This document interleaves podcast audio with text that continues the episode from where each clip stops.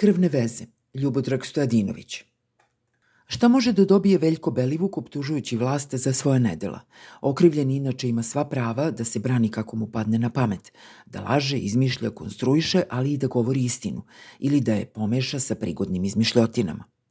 Šta je istina od svega što Belivuku govori pred sudom? Na sudu je da razluči i odvoji činjenice od laži kojima se možda spasava koža od maštovitih priča koje negiraju jeziva svedočanstva o procesu pretvaranja ljudi u mleveno meso i kako se jedna navijačka novela nesmetano i uz podršku vlasti pretvorila u kanibalske orgije. Trebalo je da to bude suđenje grupi kriminalaca i ubica za masovne zločine svih vrsta, dakle bez upliva prljave dnevne politike.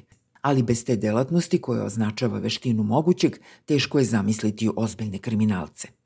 Na sredini ili na dnu je zločin sa mašinom za mlevenje mesa koja je ovde alat i sredstvo za uterivanje straha. Na vrhu upadljivo prećutkivanje koje je imalo smisao amnestije. Ovde je organizovani kriminal produktivna delatnost, lagodna mogućnost uposlenja nebrojene parazitske armije koja se broji u odbrambene snage vladajuće sekte. To je slabo sakrivena tajna, svi poslovi u sivoj zoni na samoj granici zlodela, a i u zlodelima pripadaju njima – Navijačke grupacije odavno nemaju nikakve veze sa futbalom. Vođe navijača su mali kumovi, slobodni dileri opijata, splavari, reketaši, uterivači dugova, nasilnici podređeni centrali kao jezgro pretorijanskih trupa režimske vrhuške. Takvu vezu nije moguće sakriti, pa se ona nije ni krila.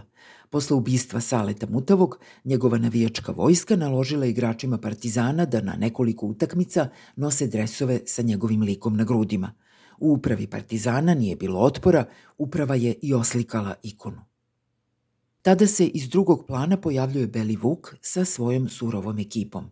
Javno je tukao članove uprave Partizana koji su od njega bežali kao zečevi, ali i njihove telohranitelje – Velja Nevolja je postao realni izvor straha, osumnjičen za neka ubistva, pa oslobođen zbog nedostatka dokaza.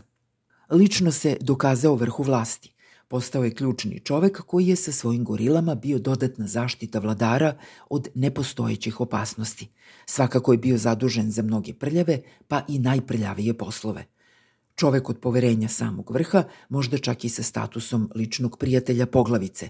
Mogao je da radi šta god poželi i on je to radio. Šta je sve uradio još nije poznato.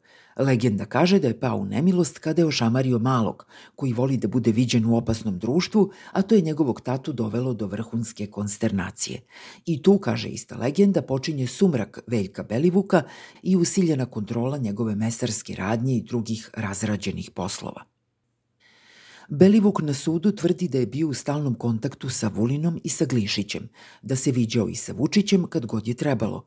Rušio je u Sava Mali, radio je sve što mu kažu, a iznad toga je sledila njegova kreativna nadgradnja unosnih poduhvata. Sve ostalo izvan važnih državnih stvari radio je za sebe. A onda je neko primetio da ljudi nestaju i da ih mesecima nema. Jedne večeri Umesto crtanih filmova na državnoj televiziji su prikazani ostaci samlevenih ljudskih tela. Pre takve televizijske premijere vladar je rekao otprilike sklonite decu, starce i nervno labilne od televizora. Slede užasni prizori, vidjet ćete ono što nikada pre niste videli. Belivuk kaže da njegovi ljudi nisu nikoga samleli. Oni koji su nestali svakako se kriju negde, možda se jednoga dana i vrate. Sve ono što je pokazao njegov predsednik na javnom servisu samo je Photoshop i digitalna iluzija. Tabloidi koje uređuje kabinet vladara prebacili su Belivuka u opoziciju, tvrdeći da on radi za njih, a protiv Vučića, koji je prvi objavio priču o ćevapima sa ljudetinom.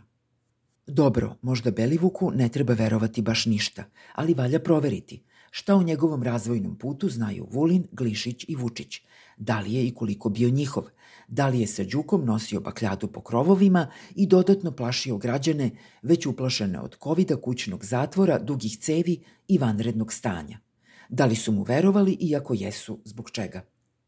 Srđan Milivojević traži da Vučić odmah podnese ostavku, jer ga je poslovni partner optužio za nepočinstva koje su u nepodnošljivom neskladu sa funkcijom koju AV obavlja – Mnogi misle da su ta svedočenja, iako sporna zbog pozicije Belivuka, uznemirujuća i teško podnošljiva. Vučić je sinoć javno svedočio o svojim opasnim vezama. Ko, šta, Belivuk i njegova grupa, nikad čuo.